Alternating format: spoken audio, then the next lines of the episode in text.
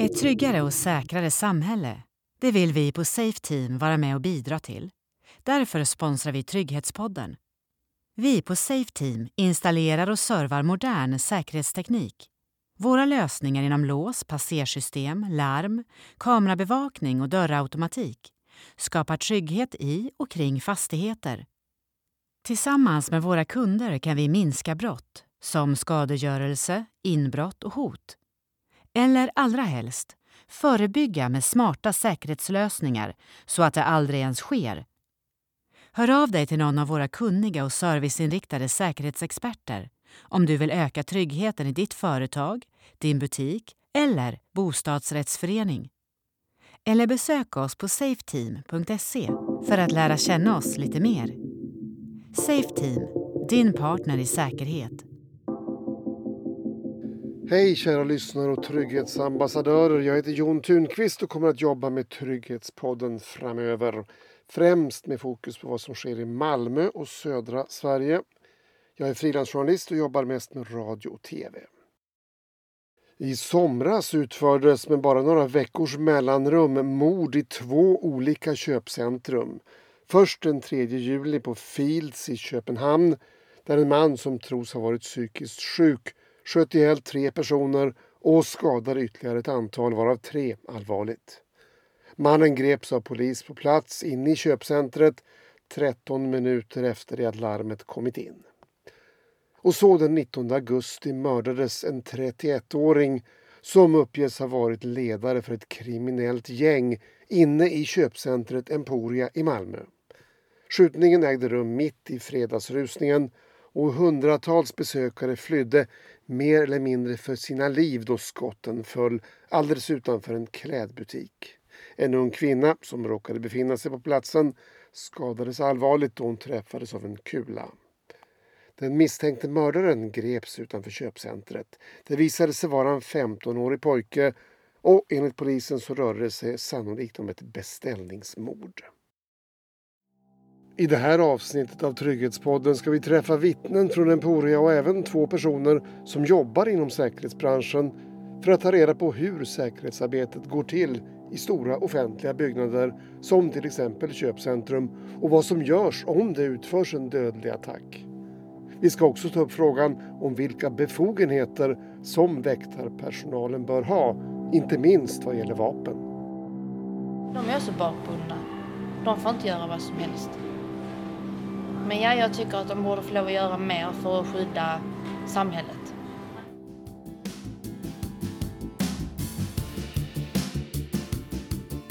Du lyssnar på Sveriges viktigaste podd, Trygghetspodden. Vi börjar på Emporia där en kille som vi kan kalla Sebastian är butikschef i en elektronikaffär. Han föredrar att inte framträda med sitt riktiga namn. Han minns tillbaka på en fredag som började som alla andra fredagar men som slutade i kaos. Den var jättejobbig. Jag var här. Det var jättejobbigt. Jag, ehm, jag är ansvarig på plats för tillfället och eh, vi har två helt nyanställda. Det var deras första dag när det hände. Så det var jättekul. Så jag fick ta eh, fullt ansvar. Jag hade tur. Vi hade tur jättemycket. För vakterna hade precis säkrat ut i parkeringshuset för det är en nödutgång. Så vakterna hade precis säkrat här så jag bestämde perfekt. Vi utrymmer för vakterna har säkrat det området till höger och till vänster är alla vakter. Så vi är säkra mitt emellan. Så då bestämde jag att vi tar snabbt ut, stänger butiken och så utrymmer vi snabbt som fan. Det var mer eller mindre det. För jag tänker att det måste vara sån här, alltså mer eller mindre panik under några ja. Eh, ja. det, det, brandlarm händer Um, och då går ju larmet. Folk vet när det är brandlarm. Emporia är väldigt säkert när det gäller brand. Det tar mångtals timmar för en eld att sprida sig. Så folk är väldigt lugna under bränder för att är det inte här bra då kan man ta sig ut i lugn och ro. För det är väldigt tryggt här. Men när jag ser att folk springer, springer, springer, springer för sina liv. Det är en helt annan syn och det är ett helt annat uttryck på människor. Och det var då man visste mer eller mindre, okej okay, det, här är, det här är inte en brand. Det här är något helt annat mycket, mycket allvarligare. Men eh, vi visste ju ingenting här nere. Vi ser ju bara alltså en stor mängd med människor som flyr. Mm. Från alltså Ica och Willys som är en av de mest största butikerna som har mest människor. Alla de springer ut samtidigt till sina bilar för att fly. Man märkte inte förrän man kom till parkeringshuset och det var total kaos i parkeringshuset. Alla skulle ut, alla ska in i bilarna och folk kan inte navigera korrekt för att folk har panik. Eh, man tänker inte så jätte resonabelt när man har panik, Mm. tyvärr. Men det är så man är som människa, så det är svårt. Men det är... ehm, Men, men, men drog ni ner jalusierna då och stängde eller hur, hur gjorde ni? Det, det jag brukar göra mer eller mindre när det är en brand, för jag hanterar det lite som en brand, är att man drar ner jalusier. För att se till att liksom ingen ut- utomstående kan ta sig in. För att en brand så kan någon som har anlagt en liten brand för att distrahera folk ut och så kan de smita in i butikerna. Så jag gick bara ut, drog ner jalusiet. Klart, allt. Bara stänga så att ingen kan komma in i butiken. Det var mer eller mindre det, det beslutet jag tog. Men sen kom ju poliser då i, alltså det var ju hu- hundratals poliser Det var jättemycket poliser. Ja. Vi såg inte så mycket av poliserna från vår, för vi är på andra sidan byggnaden. Vi är inte vid huvudingången. Vi är på baksidan. Och där mer eller mindre så såg vi, de var väldigt snabba att komma hit. Det gick väldigt snabbt. Och vi såg många bilar som stannade in, släppte av poliser, de sprang in och sen så körde bilarna iväg för att pl- placera sig bättre. Eh, Så det är mer eller mindre det jag han såg när vi stod utanför eh, säkrade på långt bort från parkeringsplatsen. Jag tänker in- informationen då, alltså var, var, var du rädd själv under det här? Jag personligen var inte rädd. Jag pratade med min psykolog om detta efteråt. I sådana här situationer när det är panik, då finns det två saker man gör. Antingen så agerar man eller så reagerar man. Och jag agerade. Jag hade inte liksom möjlighet att kunna reagera så jag blev helt iskall och bara fokuserade på att se till att allting blir säkert. Just för att jag är ansvarig på plats, jag har nya kollegor, de vet ingenting, de är små kycklingar, de kan ingenting i situationen. Så det för mig var allt fokus bara för att få ut dem säkert och säkra oss. That's it. Så jag var väldigt, väldigt, väldigt lugn då, men jag mådde inte bra när jag kom hem. Då hade min adrenalin och kroppen lugnat ner sig och då fick jag börja reagera istället för att agera. Så det kom vad, vad, vad hände då? Jag blev väldigt, väldigt trött. Jag blev väldigt, väldigt, väldigt trött. Mådde inte bra psykiskt. Ehm, det, det kom som en våg rakt efteråt. Det är som att när man ser någonting dåligt hända, man får en liten sån, man blir varm i kroppen snabbt och sen så blir man helt, man känner att det går upp rakt upp i huvudet. Och sen så mådde jag dåligt ett par dagar. Ehm, för att man blir uppskakad, det är ju en arbetsplats som man har känt sig trygg på. Och man vet att det är många trygga människor och sånt i omgivningen. Ehm, detta har ju aldrig hänt förr. Alltså någonting liknande sånt här. Alltså, det var ju väldigt stor chock och jag har jobbat här i sju år. Har aldrig hänt något liknande. Mådde väldigt dåligt i många, många dagar. Man kände sig väldigt otrygg. Det var svårt att komma tillbaka. Eh, nu känns det ändå helt okej. Men de första dagarna var det, det var svårt att komma tillbaka. Det var det. Absolut. Och vad, vad, vad säger då de här kycklingarna som du anställde? Är, är de lugna nu? De mår faktiskt bra nu. Jag säkrade ut dem och jag bad dem gå hem. Jag var kvar på platsen här i flera timmar efteråt för att se till att allting gick väl. Men jag skickade hem dem. De hade ingenting med saken att göra. Öppnade det igen och det var bara var en brand, ja, då får jag gå in och jobba ensam. Det är inte mer med det. Så att de, eh, mina kära kollegor, de mår bra. Eh, De jobbar fortfarande. Allt, allt går väl nu. Allt går väl. Hur ser det då ut i andra länder? I USA exempelvis så har man efter den senaste tidens skolskjutningar diskuterat huruvida lärare ska vara beväpnade i klassrummen. I USA och andra länder så är det inte heller ovanligt att väktare i köpcenter bär skjutvapen. Jag ställer frågan till Sebastian på Emporia i Malmö. Ska väktare i Sverige också bära skjutvapen? Ja, alltså, egentligen inte. Eh, både ja och nej. Det är en jättesvår fråga. Eh, man kan definitivt tycka att hade de här vapen så hade de kunnat säkra situationen på ett annat sätt. Samtidigt som det uppstår många andra farliga saker med tanke på att det finns mer vapen i cirkulation. Så jag vet faktiskt inte. Det är en jättesvår fråga. Det är både ett ja och ett nej. Och det handlar väldigt mycket om omständigheterna. Så den är, den är svår. Vågar faktiskt inte svara på den frågan. Vet faktiskt inte. Har, hur, har du märkt då Em- Emporia efter? Det är ju det har ju gått några veckor nu. Alltså, har, har det ändrats på något sätt? Ja, alltså första veckan efteråt så var det som vanligt. Folk kom som vanligt och shoppade som vanligt. Det var lugnt. Nu är det väldigt, väldigt lugnt, men det är av andra. eh, Det är av ekonomiska skäl som folk inte handlar. Så direkt efter där var det. Det, det, det var som vanligt faktiskt. Folk anpassade sig väldigt, väldigt snabbt. Så det var lugnt. Det var ju ett sånt attentat på Fields också. Det var lite annorlunda för det var ju en, mer eller mindre en galning som började skjuta omkring sig. Hur tänkte du efter den? Man tänker ju alltid som vanligt. Sånt som händer i världen händer aldrig en själv. Sånt händer på andra ställen. Nu var det ju ganska nära, alltså nära, nära. Eh, sånt brukar inte hända på samma sätt. Så man brukar alltid tänka, det händer aldrig mig förrän det händer. Så att eh, jag tänkte inte så mycket på det. Man tänkte på det liksom, åh, det kan hända en arbetsplats, men man är så mentalt eh, bortkopplad från sådana situationer så att jag tänkte inte så mycket mer på det förutom att det är ett väldigt hemskt event som hade hänt. Det var det. Det är nyheter. Nyheter händer där, inte här. Så mycket sånt. Och kunder som kommer hit, pratar de om det som har hänt? Eller? Väldigt, väldigt lite. väldigt, väldigt lite. Enstaka, inte alls många. Alltså jag kan tänka på mig max tre, tre personer under de här veckorna. Så nej, verkligen inte. Väldigt, väldigt, väldigt lite. Vi ska återkomma till en annan person som jobbar i Emporia lite senare i programmet. Men först Mikael Högberg, operativ chef för den svenska delen av Avarn Security, det företag som sköter säkerheten på Emporia. Jag når honom via en chatttjänst på internet. Avarn Security har nu haft några veckor på sig att se över den egna insatsen vid händelsen. Ja, dels har vi tittat på hela händelseförloppet utifrån liksom våran insats och även då kopplat till köpcentrats möjligheter och, och köpcenter och företagarföreningens eh, agerande så att säga då. Men vi försöker ju alltid att ta med hela händelseförloppet och alla de delarna som vi har varit delaktiga Vi vet ju till exempel att vi hamnade i vissa situationer under den här händelsen som gör att vi behöver till exempel hantera att man inte kan ta sig ut och in. Det vill säga vår personal kan inte ta sig runt i byggnaden på ett sådant sätt som kanske hade varit önskvärt i den här situationen.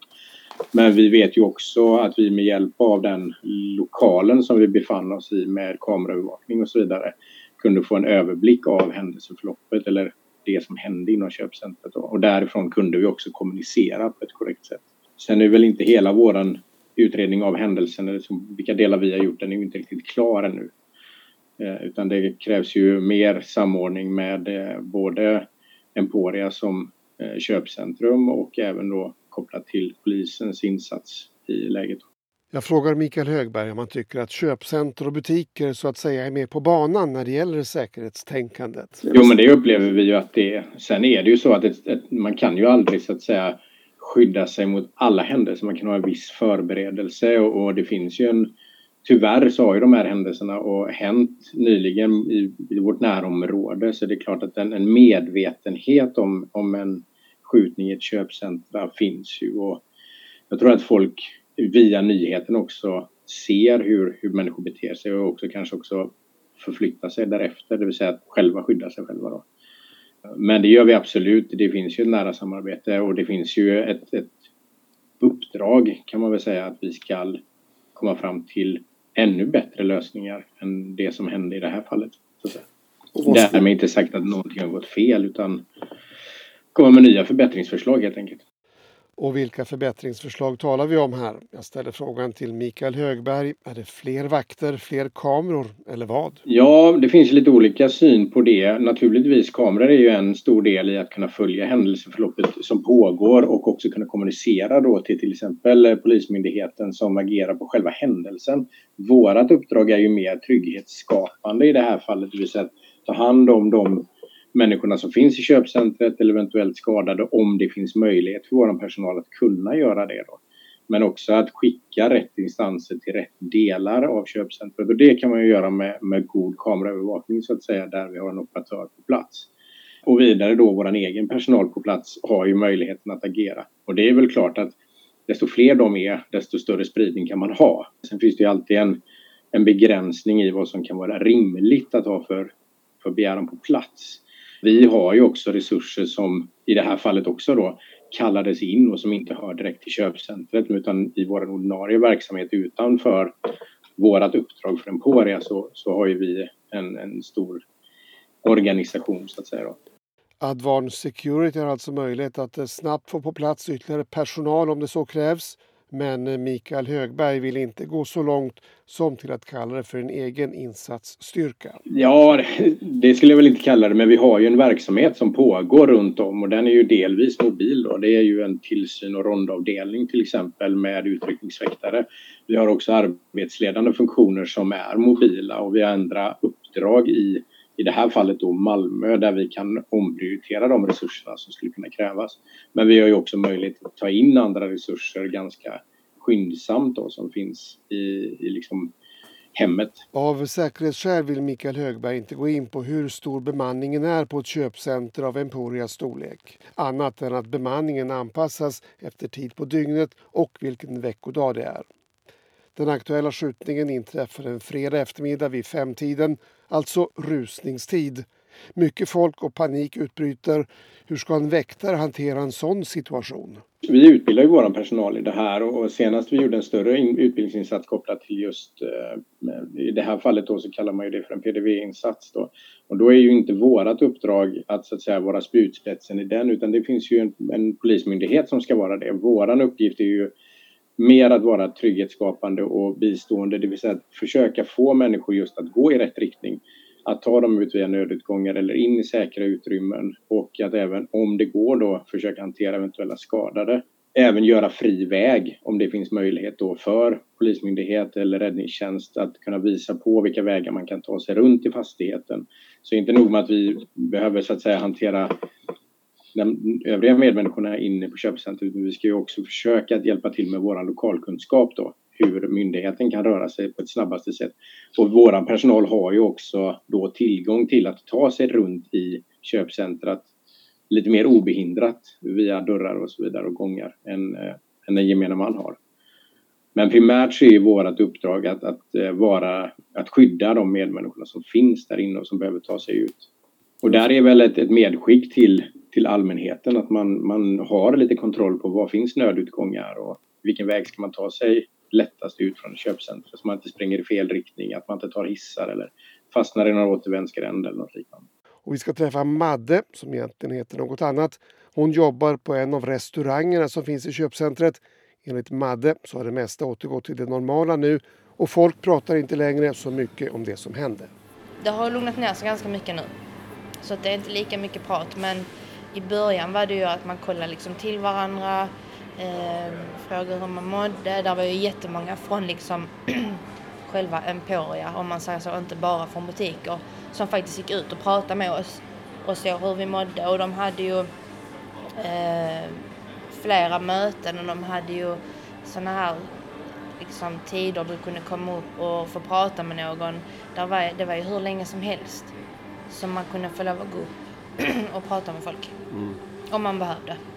Men nu har det liksom lagt... Ja, det har lugnat ner sig mycket. Det är mm. ingenting som märks av på det viset. Det tycker jag inte.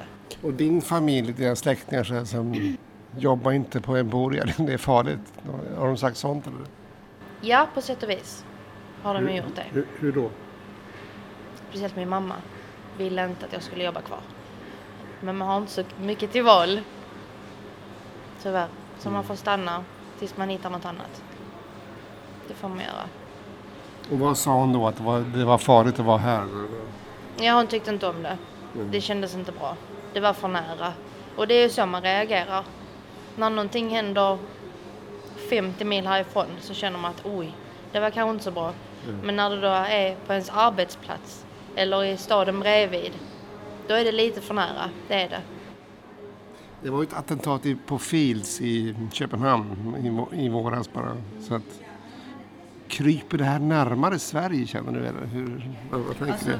Vi blev ju påverkade av det också i och med att alla tågen går ju från Hyllie. Så att där märkte man också av det och det spred sig fort. Även där gick ju Emporia in och stöttade upp. Inte bara alltså personal på Emporia utan även för andra. Det var ju väldigt synligt och det är skönt på så vis. Men det, det hjälper ju inte egentligen. För att det stoppar inte kriminaliteten. Det stoppar inte någon från att gå in här igen. För att vi har inte kvar alla väktare. Här var ju hur mycket väktare som helst. Och ordningsvakter och där var poliser. De är inte kvar här längre. För att Emporia ligger ju inte under hot. Men det har vi aldrig gjort. Det var ju inte vi som var under hot. Utan det var ju en besökare. För man vet ju aldrig när det händer. Eller var. Ja, precis. Men, men, men, men skulle du känna dig tryggare om det fanns liksom poliser och väktare i varje hörn här? Eller vad, vad tänker du? Nej. Nej, det tror jag inte. Jag tror inte det. Det är lite mer... Jag tror också det är därför man reagerade så pass starkt.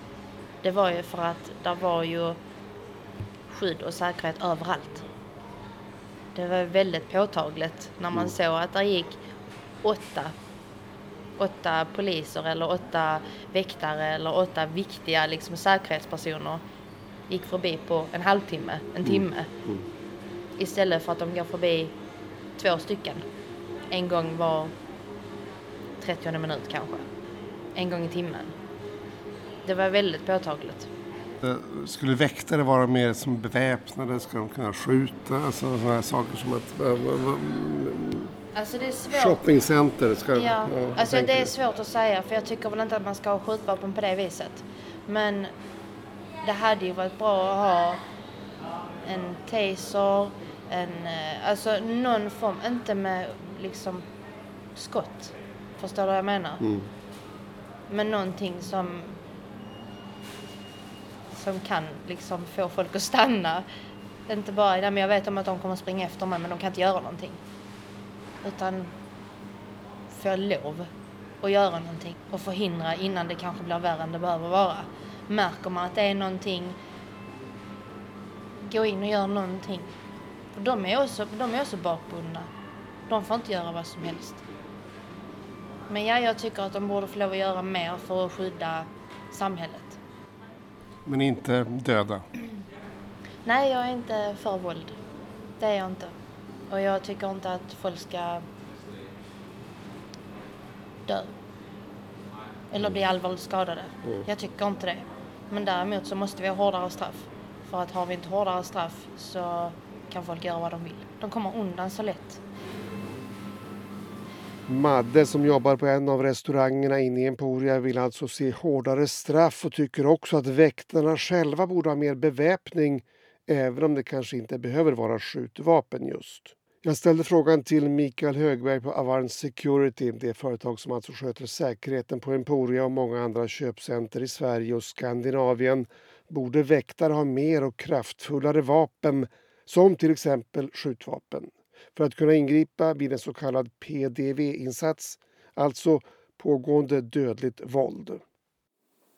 Nej, våran bedömning är ju i grundläget inte den utan våran arbetsuppgift är ju lite annorlunda. Det är ju inte våran uppgift att, så att säga, eh, i en PDV-insats agera på det. Det finns sådana som är betydligt bättre lämpade för det med både utbildning och, och kompetens. Utan vårt uppdrag i ett sånt här läge är ju faktiskt att skydda de civilpersoner som finns i en sån här händelse. Um, och jag tror väl att det är nog den bästa arbetsuppgiften vi kan ha i dagsläget. Men tror du att besökarna skulle känna sig tryggare om väktarna hade pistoler?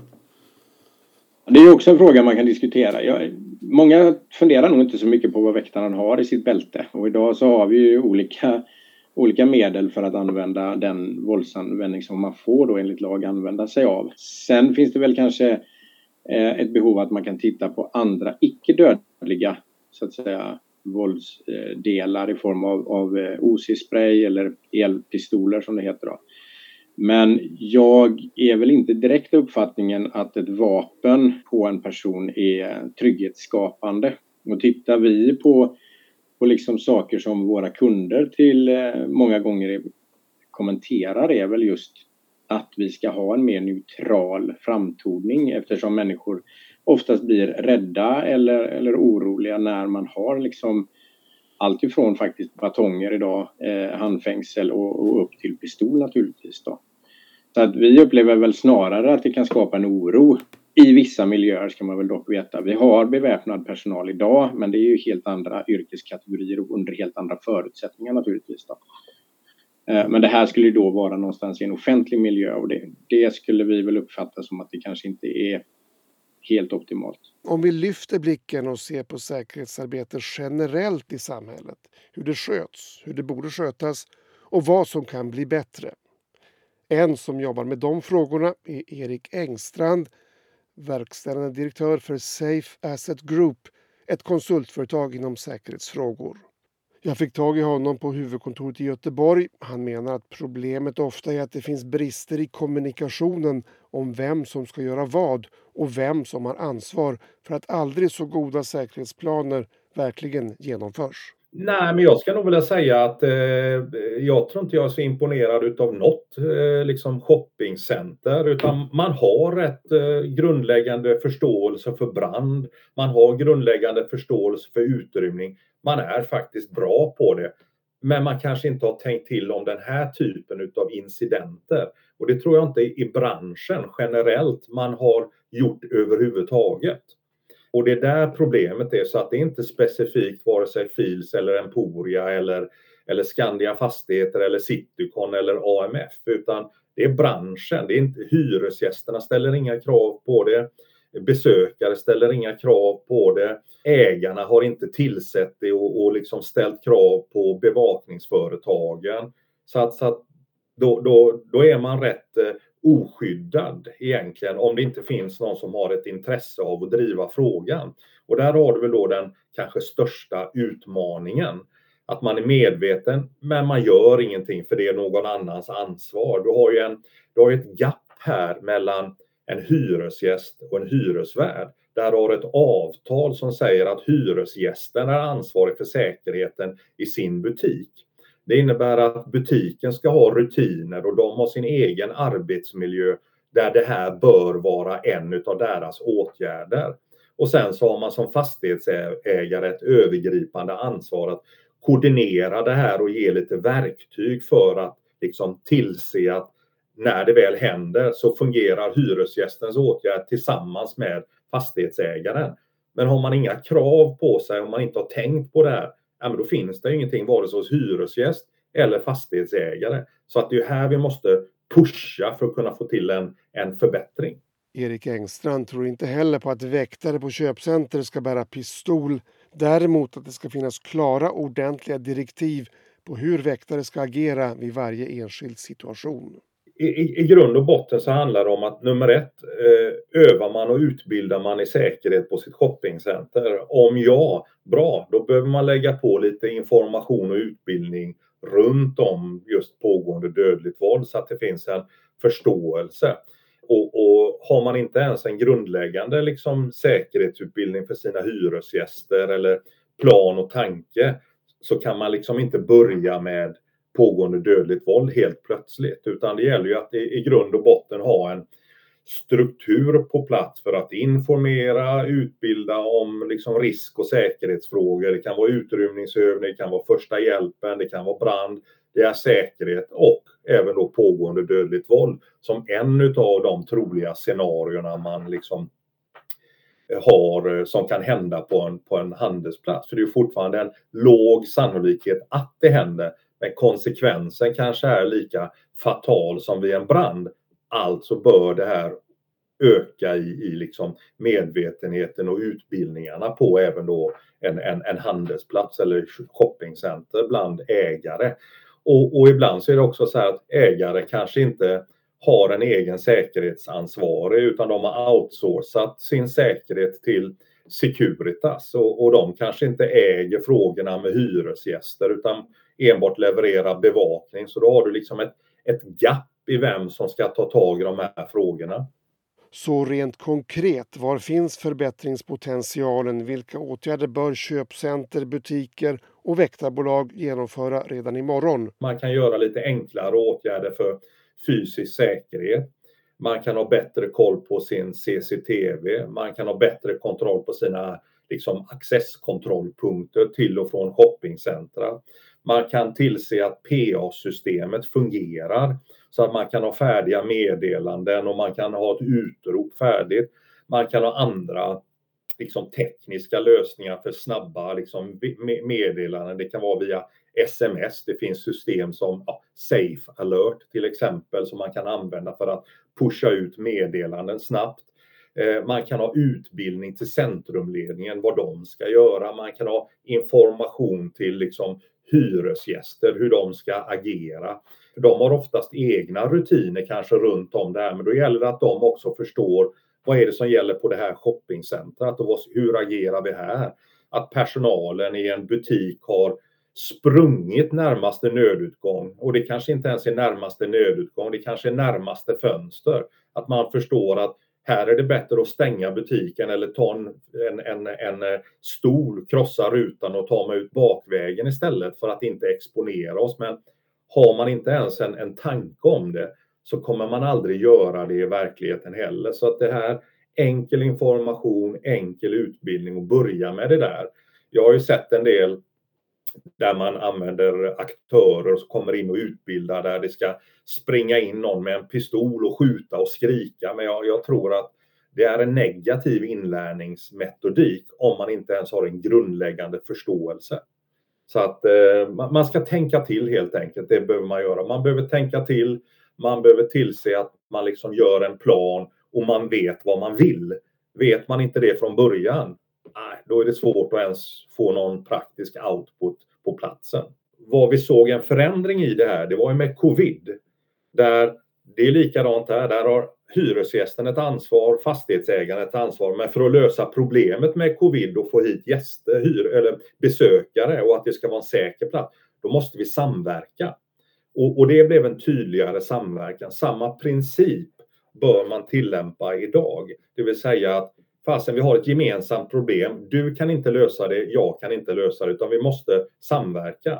Så att när det väl händer, då har vi tillsett att alla är förberedda. Så att jag ska nog säga att det finns tydliga förbättringspotentialer, enkla att göra. Jag tror inte på att man behöver bygga upp komplexa system, för det här är bara liksom ett scenario utav hundra olika scenario. Men man kan förbättra. Så att, så att jag skulle nog vilja säga att branschen i sig, både hyresgäster, fastighetsägare, kan helt klart ta tydliga förbättringar runt om det. Blickar vi då framåt, åt vilket håll går samhällsutvecklingen? Ska vi förvänta oss att våldet och skjutningarna fortsätter att öka? Det finns ju fortfarande risker med liksom folk som inte mår bra. Eh, ökad psykisk ohälsa generellt sett bland, bland befolkning. Eh, tillgängligheten på vapen är hög. Eh, vi ser att det sker skjutningar och sprängningar. Vi ser att kriminella gäng faktiskt eh, inte drar sig för att skjuta på publika platser. De bryr sig inte om allmänheten längre på det sättet som, som man kanske tidigare var lite oskriven lag. Vi har eh, en, en ökad liksom risk med vapen ifrån Ukraina som kommer flöda in i Europa så att tillgängligheten på den här typen av liksom vapen och, och, och sprängämnen ökar. Eh, så, så, att jag tror inte att det kommer att hända så mycket eh, just specifikt shoppingcenter, men jag ser att sannolikheten för att det kommer att hända igen, den ökar nog lite grann.